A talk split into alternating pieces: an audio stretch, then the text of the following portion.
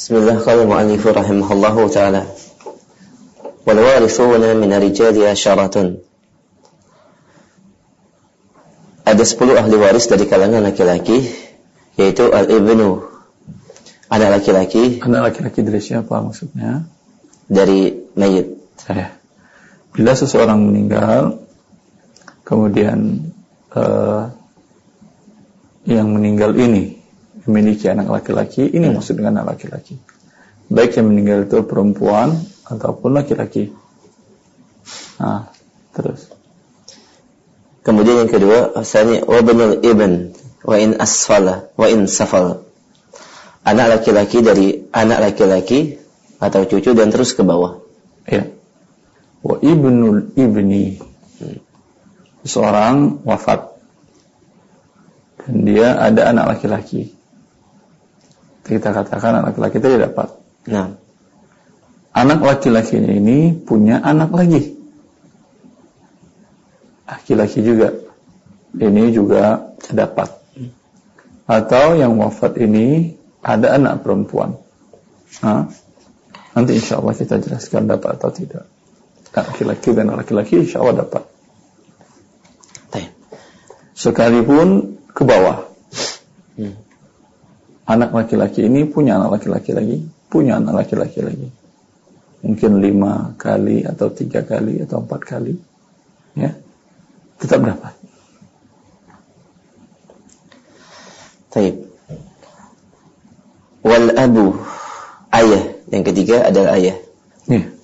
Kemudian tadi adalah furu' yaitu ke bawah anak dari si mayat. Sekarang ke atas yang laki-laki.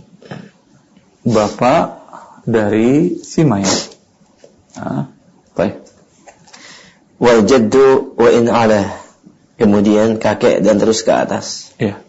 Bapak ini memiliki bapak juga. Ya. Maka bapak ini dinamakan kakek jika dia masih hidup. Pada saat cucunya wafat, dia berhak juga mendapatkannya. Warisan. Dan seterusnya ke atas, kakek dari bapak. Tadi bapak, kakek, tadi kakek. Sekarang bapak dari si kakek ini. Hah? Kalau ada masih hidup lagi kakek dari si bapak ini, hah? tetap mereka bisa mendapatkan warisan. Tapi apakah pasti dapat? Nanti kita lihat dalam kaidah al-hajbu al-hijaw wal hirman. Yaitu siapa yang menghalangi siapa untuk tidak mendapatkan. Terus. Wal akhu.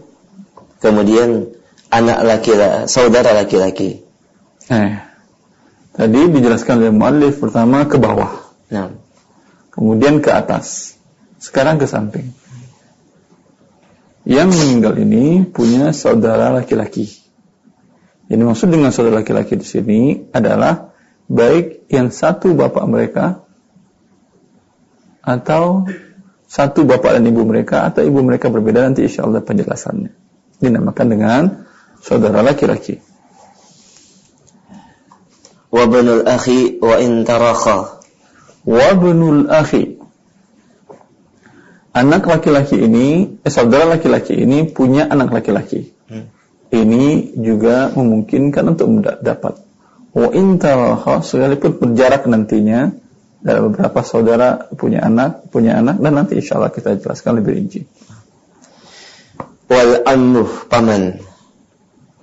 Sekarang tadi saudara laki-laki dari si mayat.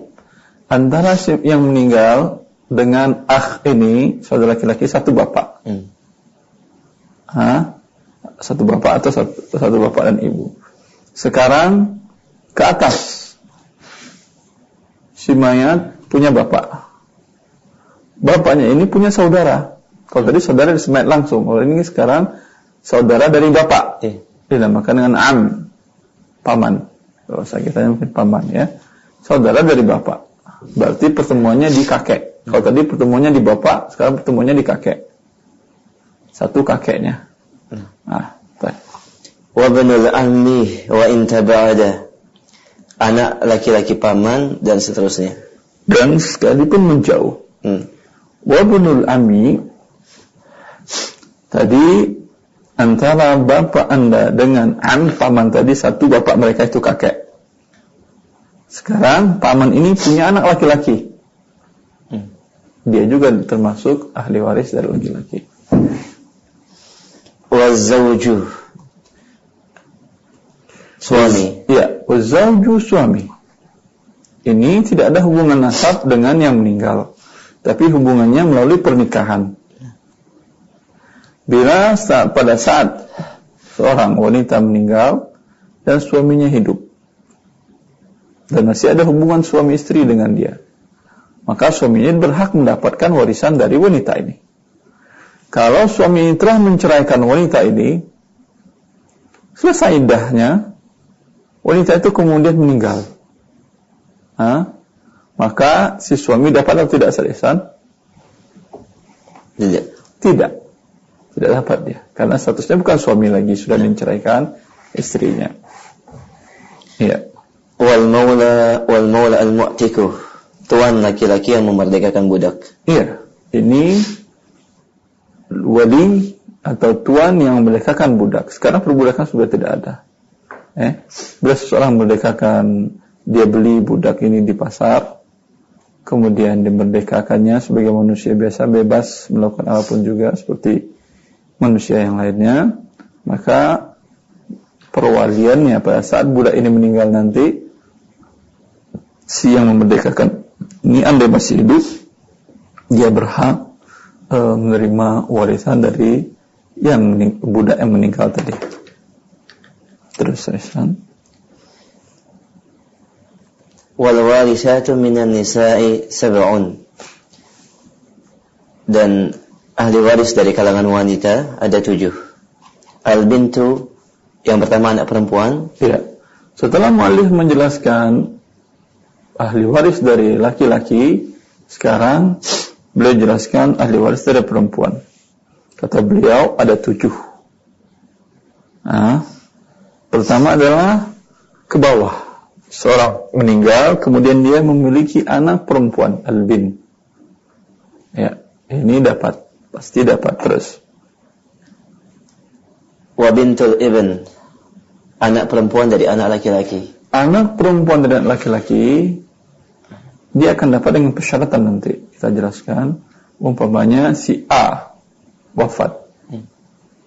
Dia punya anak laki-laki anak laki-laki ini telah wafat. Anak laki-laki si A yang wafat tadi punya anak perempuan. Nah, cucu perempuan dari anak laki-laki ini dapat. Terus. Wal ummu, yaitu ibu. Ibu ke atas. Tadi ke bawah, sekarang ke atas. Ibu yang melahirkan dari anak laki-laki ini dapat. Berapa dapatnya nanti akan kita jelaskan insyaallah taala.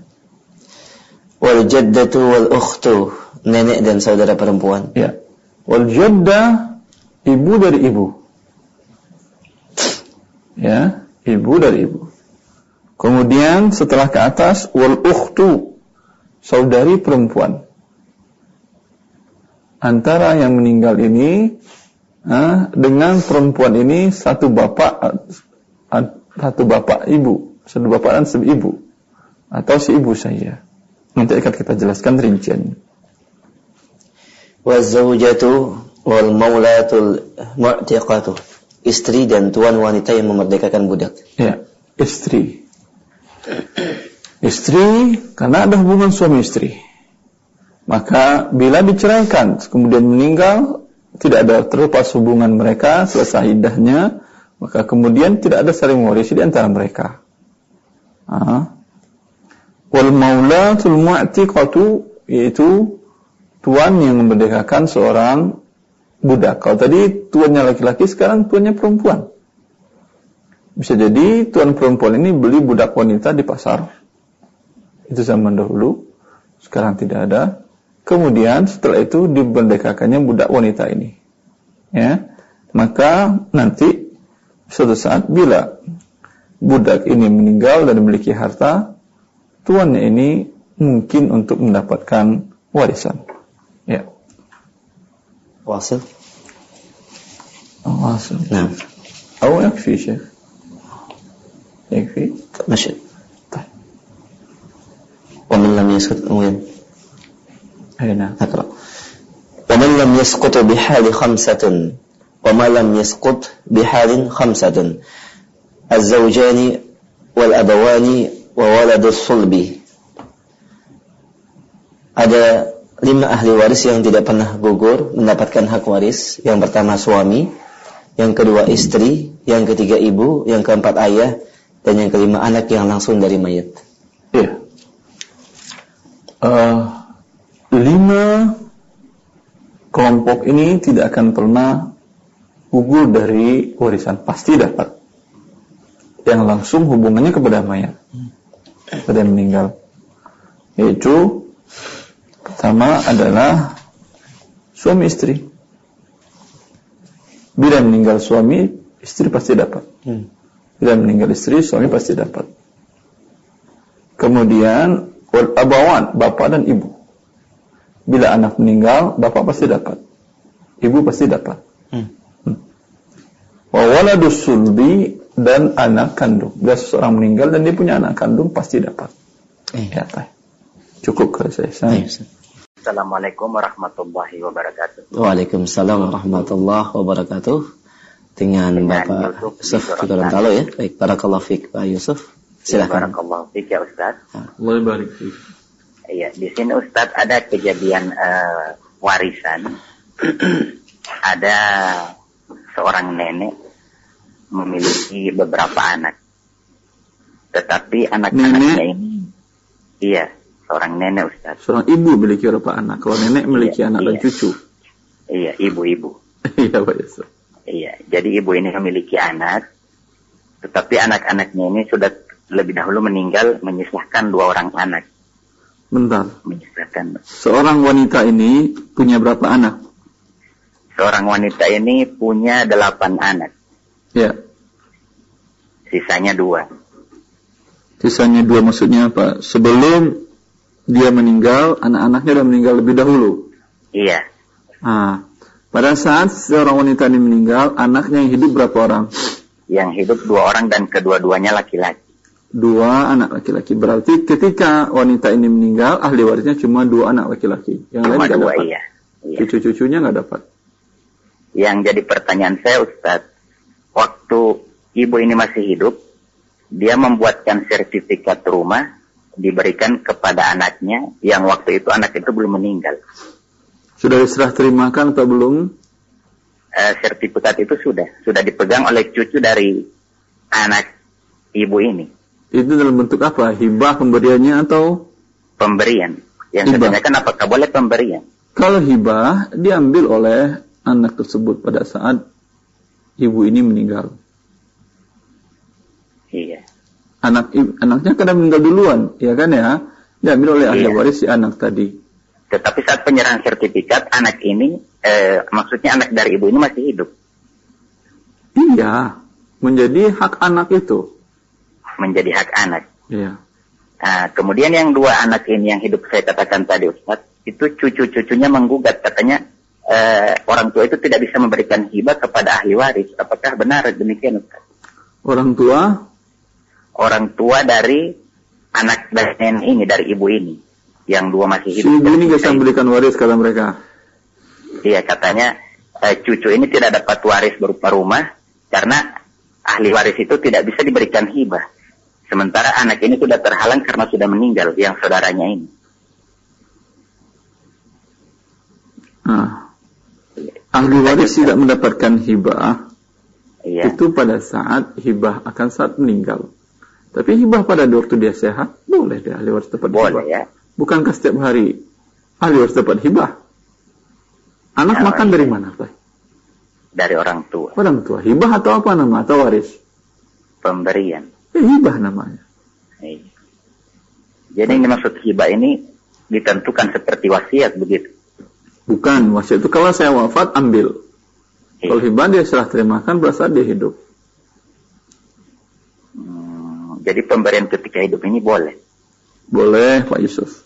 Ya. Iya, syukran Ustaz ya. Afwan. Barakallahu fiik. Allah Assalamualaikum warahmatullahi wabarakatuh.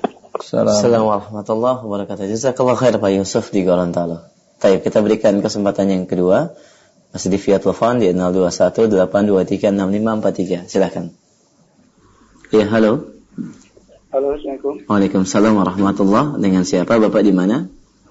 Dengan Rudi di Makassar. Silakan Pak Rudi. Oh iya, saya mungkin akan bertanya di luar tema Ustaz. Ya. Silakan Pak Rudi.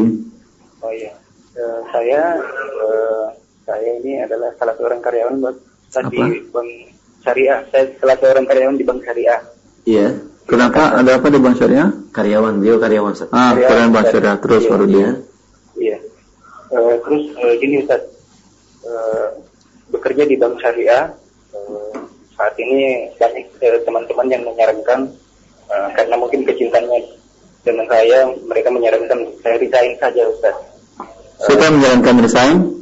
Teman. Eh, supaya menjalankan tujuan saya karena katanya Bank Syariah tetap riba Ya, terus? gitu. Eh, namun eh, saya beralasan bahwa eh, saya bertahan di sini karena eh, saya me- apa, membawa mudaratnya yang lebih kecil, ya, memilih mudarat yang lebih kecil. Hmm. Eh, terus juga eh, kalau kita tidak bekerja di bank syariah, eh, siapa lagi yang akan menumbuhkan ekonomi Islam? Artinya lambat laun kan eh, kita bisa menjadikan bank syariah itu menjadi pelopor di perekonomian Indonesia, Ustaz. Eh, karena pemahaman saya juga bahwa dalam proses menjadi syariah 100% itu eh, tidaklah mudah Ustaz. Karena terlalu kompleks juga permasalahannya.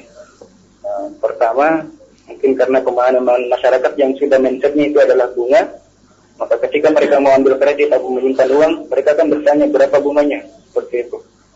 Eh, kemudian juga mungkin SDM kita maksudnya eh, orang-orang yang bekerja di bank syariah itu betul belum terlalu memahami syariah itu seperti apa. Nah, seperti itu. Rudi sudah memahami? Eh, sedikit-sedikit Ustaz. Ah, Eh, kebetulan saya lagi mau baca bukunya Ustaz ya, yang HHMK jadi saya mau Ya. belajar lebih banyak lagi Ustaz. ah. Eh, jadi saya mau minta sarannya Ustaz bagaimana eh, solusinya dengan permasalahan ini. Oke. Baik. Bila memungkinkan Anda untuk memperbaikinya dan Anda terus mempelajari syariat Allah yang benar, bagus perbaiki dari dalam. Bila Anda telah berusaha dan ternyata apa mentok atau tidak bisa memperbaikinya dari dalam, maka Allah Ta'ala selamatkanlah dunia dan akhirat Anda. Wabillahi taufik. Eh, gini Ustaz permasalahannya eh, sebenarnya kalau saya menurut saya Ustaz ya di Bank Syariah itu beberapa SOP-nya itu sebenarnya sudah cukup mencerminkan syariah. Eh, namun pada pelaksanaannya kita di lapangan ini biasanya kita yang melakukan hal yang menyimpang syariah karena mungkin adanya target begitu Ustaz dan sebagainya. Penyimpangan ini, itu ada pada fatwa, ada pada penerapan. Iya. Maka bila ingin memperbaikinya, perbaiki seluruhnya. Oh, gitu. Iya. Iya Ustaz. Jadi sarannya tetap eh, bisa bertahan aja terus eh, sambil untuk mem- me- apa, memperbaiki. Silakan. Oh gitu. Silahkan. Ya, Syukran Ustaz atas sarannya. Allah barik fiikum. Assalamualaikum. Assalamualaikum. Assalamualaikum warahmatullahi wabarakatuh. Jazakumullah khair pada Bapak Rudi di Makassar. Barakallahu fikum dan semoga Allah berikan kemudahan pada Bapak. Kita berikan kesempatan kembali masih di via telepon silahkan di 0218236543 dalam pembahasan waris dari kitab Al-Ghayah wa Takrib atau Matan Abu Syuja. Kita terima kembali. Halo. Halo, Iya, Assalamualaikum. Assalamualaikum. Waalaikumsalam warahmatullahi Dengan siapa umur di mana? Eh, dengan umur Rafi Di mana? eh, di Ciputat. Baik, silahkan. Eh, terima kasih. eh, saya baru bisa connect dengan Roja. Eh, ini keluar dari tema. Eh, saya saya seorang guru. Apa? Ustaz, saya mau tanya. Mohon maaf, Ibu mungkin dikecilkan dulu volume suara radio atau televisinya ada feedback. Biar lebih jelas suaranya. Silahkan. Sudah? Baik, silahkan. Oke, eh, saya, saya saya seorang guru penerima dana sertifikasi. Ini keluar dari tema ya Ustaz? Baik. Iya. Jadi penerima dana sertifikasi di mana untuk menerima dana sertifikasi guru itu harus mengajar 24 jam. Mengajar 24 jam. 24 jam. Nah, persoalannya itu ada tiga guru dalam satu mata pelajaran. Tiga guru dalam satu mata pelajaran. Yang seorang itu ngajarnya 24 jam. Yang dua orang itu tidak dapat 24 jam sehingga dua orang ini tidak bisa menerima dana sertifikasi. Iya. Nah, kemudian yang yang seorang eh, yang satu eh, yang dua orang dari salah satu dua orang itu kemudian memberikan jamnya secara fiktif supaya dapat satu dana sertifikasi. Sehingga dari tiga orang itu tadi menerima dua data sertifikasi.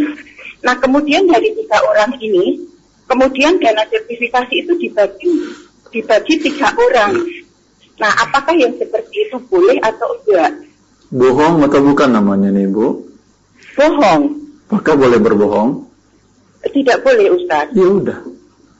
Tidak halal bagi manusia mengambil hak orang lain apalagi dengan cara berbohong. Oh. Jadi yang, yang yang dua tadi juga nggak boleh, eh, Ustaz. Tidak boleh. Eh, Sementara yang yang satu tadi diminta, sebetulnya yang satu itu diminta diminta sebagian dana sertifikat ini sebetulnya nggak boleh. Tapi kemudian kepala sekolah ikut campur tangan, kemudian mereka memutuskan bahwa ketiga orang itu harus dibagi, eh, dana yang dua itu harus dibagi eh, oleh tiga orang. Yang memenuhi jam seperti persyaratan dari ketentuan yang dibuat oleh negara hanya dia yang berhak, yang lain tidak. Oke, iya. iya. Bukan kebijakan kepala sekolah ini. Kebijakan yang buat adalah negara.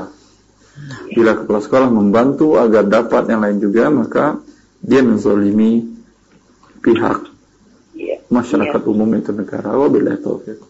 Iya, iya. Iya, terima kasih Ustaz. Allah barik fiik. Wa iyyak wa jazakillah khair Ibu Rafi. Barakallahu fiik. Masih kita terima uh, pertanyaan via telepon silahkan di 0218236543. Ya halo. Assalamualaikum warahmatullahi wabarakatuh. Ahlan dengan siapa Bapak di mana? Dari Anto Jakarta Silakan Pak Anto. mau tanya kaidahnya pembagian waris. Iya. ada ada kaidahnya nggak pada kapan rukuk warta waris itu eh, bisa dibagi gitu apa setelah satu hari setelah mayat meninggal Kurang jelas. Nah. Terus. halo Ya, terus lanjutkan Pak. ke ada- mau tanya kaidahnya pembagian waris Pak. Ya, ya, silakan langsung. Eh, ada kaidahnya nggak kapan war harta waris itu bisa dibagi Iya. atau sebaiknya dibagi gitu Baik. berapa hari setelah meninggal seminggu setelah meninggal atau gimana gitu Ustaz Baik, Pak. Itu saja Bapak Anto. itu saja Ustaz Baik, jazakallah khair Pak Anto. Barakallah fiik. Mafhum Ustaz. Baik, pertanyaannya apakah ada kaidah eh, terkait dengan waktu pembagian harta waris setelah mayat itu meninggal? Apa harus segera atau boleh ditunda seminggu? Eh, kapan waktu yang terbaik dalam pembahasan ini? Sesegera mungkin. Apakah gaji Anda mau ditinggal ditunggu seminggu, sebulan, dua tahun? Hah? Ini hak Allah yang berikan kepada ahli waris. Nah, Gaji adalah kesepakatan antara Anda dengan manusia dan antara manusia manusia. Ini Allah. Maka Allah memberikan waris tersebut dengan wafatnya salah seorang. Ketika wafat langsung dibagi warisnya. Serah terimakan wabillahi taufiq. eh, demikian Bapak Anto, sesegera mungkin ya kita maksimalkan waktu yang ada untuk membagikan ahli harta waris dari mayat tersebut. Barakallahu fiik. Kita terima kembali masih di via telepon. Silahkan di 0218236543. Halo. halo assalamualaikum Waalaikumsalam warahmatullahi Ahlan dengan siapa? Bapak di mana? Dengan Nabi Dosa di Simanggi Taib, silahkan. uh, Ustaz kami mau tanya kalau tentang pembagian waris misalnya ada seorang eh, yang udah meninggal sementara dia memiliki anak dari istri yang pertama enam orang anak. Eh, maaf eh, lima yang kedua dia memiliki enam orang anak dan yang istri ketiga dia membawa anak sebanyak lima orang Membawa itu maksudnya apa? Eh, maksudnya dia eh, apa namanya udah punya anak gitu Ustaz. Si istri ketiga ini punya anak bukan dari suami ini. Iya betul. Yang meninggal si suami apa istri yang ketiga? Eh, suami. Ah, nggak dapat anak dari istri ketiga ini yang bapaknya bukan si suami yang meninggal, karena bukan anak Iya. dia. Iya. Terus eh, yang mau saya tanyakan pembagiannya bagaimana? Terus apabila dia ada wasiat, mana yang didahulukan? Wasiatnya apa? Eh, wasiatnya tentang pembagian semua hak-haknya gitu. Apanya? Pembagian warisannya. Eh, wasiatnya batal. Kenapa? Kenapa? Wasiatnya batal dan dibagi sesuai dengan kitabullah. Oh, wasiatnya batal Ustaz ya? Ya, pada saat laki laki-laki ini meninggal, istrinya hidup atau tidak yang tiga itu? Eh, yang dua udah, udah wafat, ini yang terakhir Yang terakhir ketiga hidup. hidup. Dapat dia seperdelapan dari seluruhan harta si laki-laki yang wafat ini. Oh, dia dapat seperlapan tadi. Ya. Kemudian anak beristri pertama dan kedua, yang ini adalah anak si yang meninggal. Adapun istri ketiga kan anak dari yang lain kan ya? Iya. Ya. Anak dari istri pertama dan kedua, ada laki perempuan? Ada. Berapa orang laki-laki? Ah, orang laki-lakinya ada ada enam Semuanya enam. Perempuan? perempuan lima. Enam laki-laki dan lima perempuan. Ini yang yang dari istri pertama dan istri kedua, Ustaz. Iya, istri ketiga nggak dapat karena bukan dari bukan Oh, anaknya si yang meninggal ini. Iya, Kak. Ah, maka dibagi 27 sisanya tadi. Bapak dan ibu dari si bapak ini udah meninggal atau masih hidup? Udah meninggal. Ah, maka yang berhak cuma anak laki dan perempuan yang masih hidup dari istri pertama dan kedua. Ada yang katakan tadi adalah enam laki-laki, lima perempuan. Enam laki-laki dikali dua dua belas tambah dengan lima menjadi tujuh belas. Nah, Oke. sisanya dibagi tujuh belas. Dua laki-laki dua per tujuh belas, perempuan anak perempuan satu per tujuh belas. Wabillahi taufiq. Super, Ustaz. Afwan.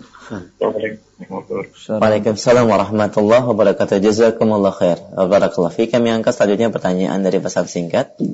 Assalamualaikum warahmatullahi wabarakatuh. Salam.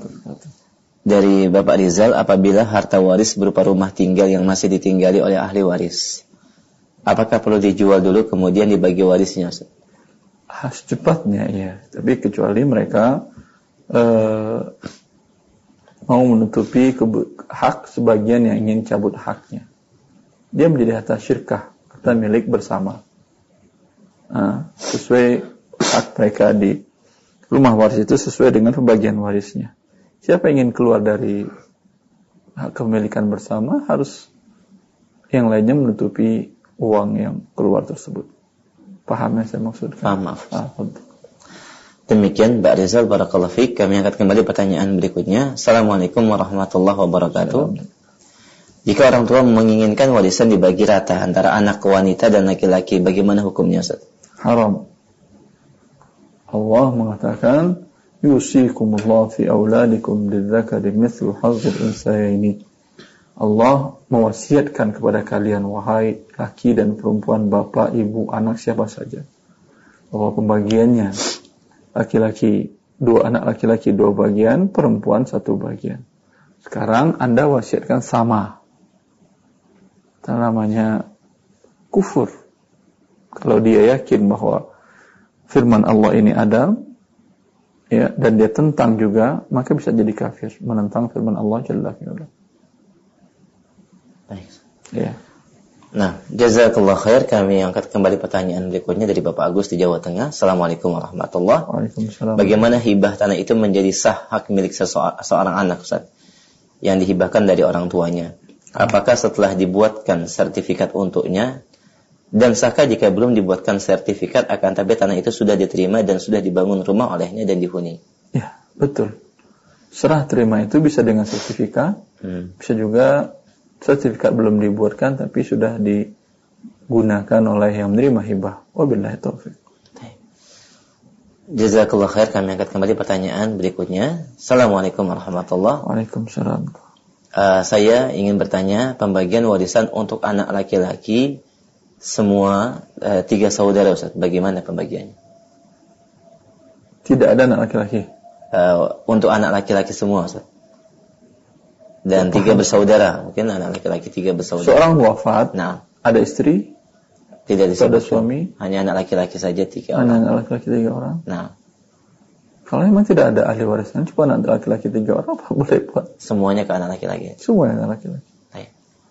Bagi tiga. Kalau ini hanya ahli warisnya, tapi cek dulu. Hmm. Khawatir pertanyaannya tidak begitu. Baik. Baik.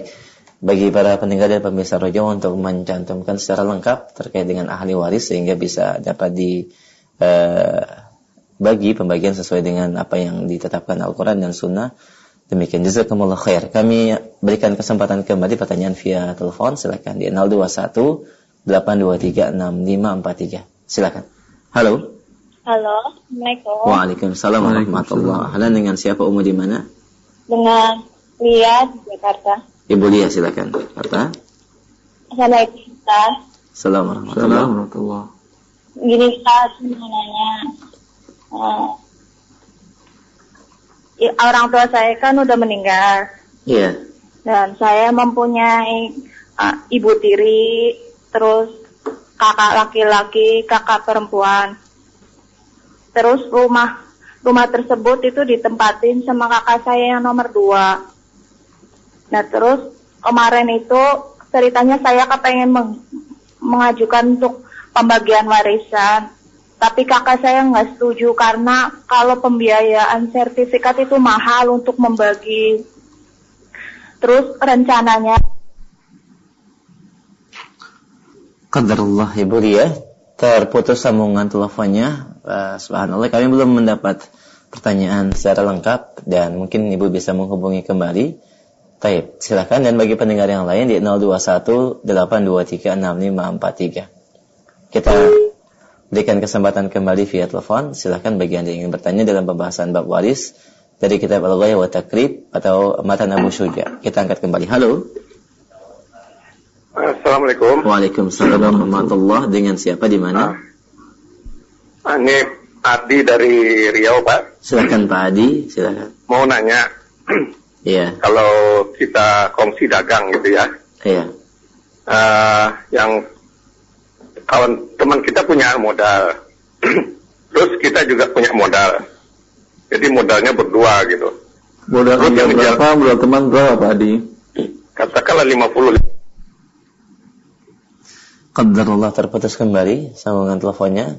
Sepertinya koneksinya kurang bagus. Silahkan mungkin Pak Adi dan juga t- tadi juga Ibu Lia bisa menghubungi kembali sehingga bisa melengkapi pertanyaan yang disampaikan. Baik. Kita terima kembali via telepon di 021 823 6543. Silakan. Halo. Baik, Ustaz. Kami angkat dulu pertanyaan dari pesan singkat. Assalamualaikum warahmatullahi wabarakatuh.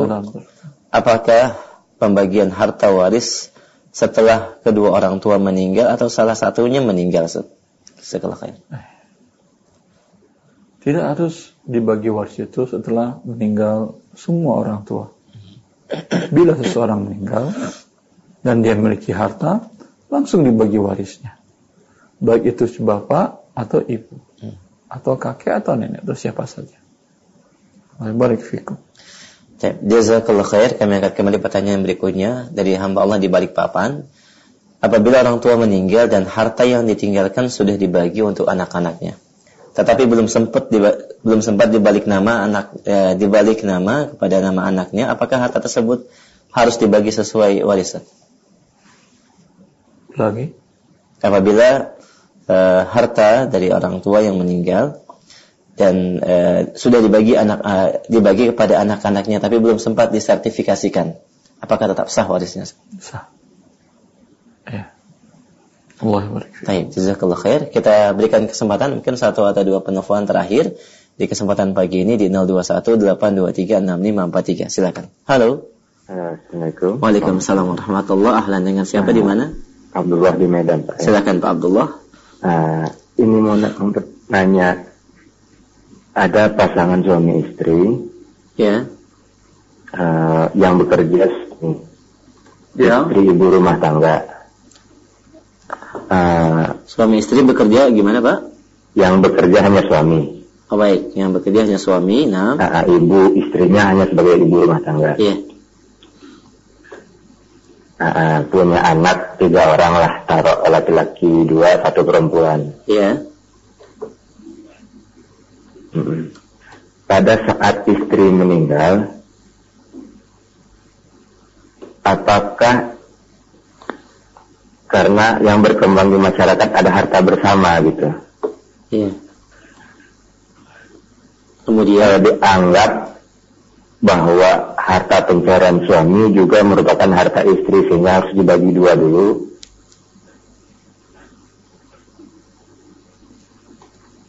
Apakah benar demikian atau gimana? Tidak benar Bapak. Yang menjelaskan hak masing-masing jelas. Bila harta ini suami yang mendapatkannya dan dia tidak menghibahkan kepada istrinya dan tidak memberikan kepada istrinya, tidak mewasiatkan kepada istrinya, maka harta si suami dan sebaliknya juga. Tidak ada harta bersama. Artinya Kecuali, enggak? kecuali Ah. ist- istri punya modal Nah, dari orang tuanya atau dari mana atau dari suaminya kemudian ikut dalam saham usaha suaminya. enggak, dia murni ibu rumah tangga. Ibu rumah tangga tidak, kalau tidak punya harta hibah dari suaminya. Ketika istrinya meninggal artinya tidak ada pembagian waris. Tidak punya harta, dia apa yang mau dibagi? Eh, artinya tidak ada harta bersama dalam rumah tangga ya. Iya. Iya, cukup Bapak? Oh iya, iya, terima kasih, terima kasih. Jazakallah. Assalamualaikum warahmatullahi. Nah, jazakallah khair, barakallahu fikum dan mungkin ini pertanyaan kami terakhir Ustaz di kesempatan pagi ini Eh. sebagai ikhtitam silakan Ustaz. Semoga apa yang kita sampaikan ini bermanfaat dan rujukan kita dalam hal ini semuanya adalah kitabullah dan sunnah Rasulullah sallallahu alaihi wasallam. Ya. Semoga dengan demikian Allah menuntun kita kepada jalan kebenaran kebaikan dunia dan akhirat. Wallahu taala a'lam. Sallallahu ala nabiyyina Muhammadin wa alihi wasallam. Assalamualaikum warahmatullahi wabarakatuh.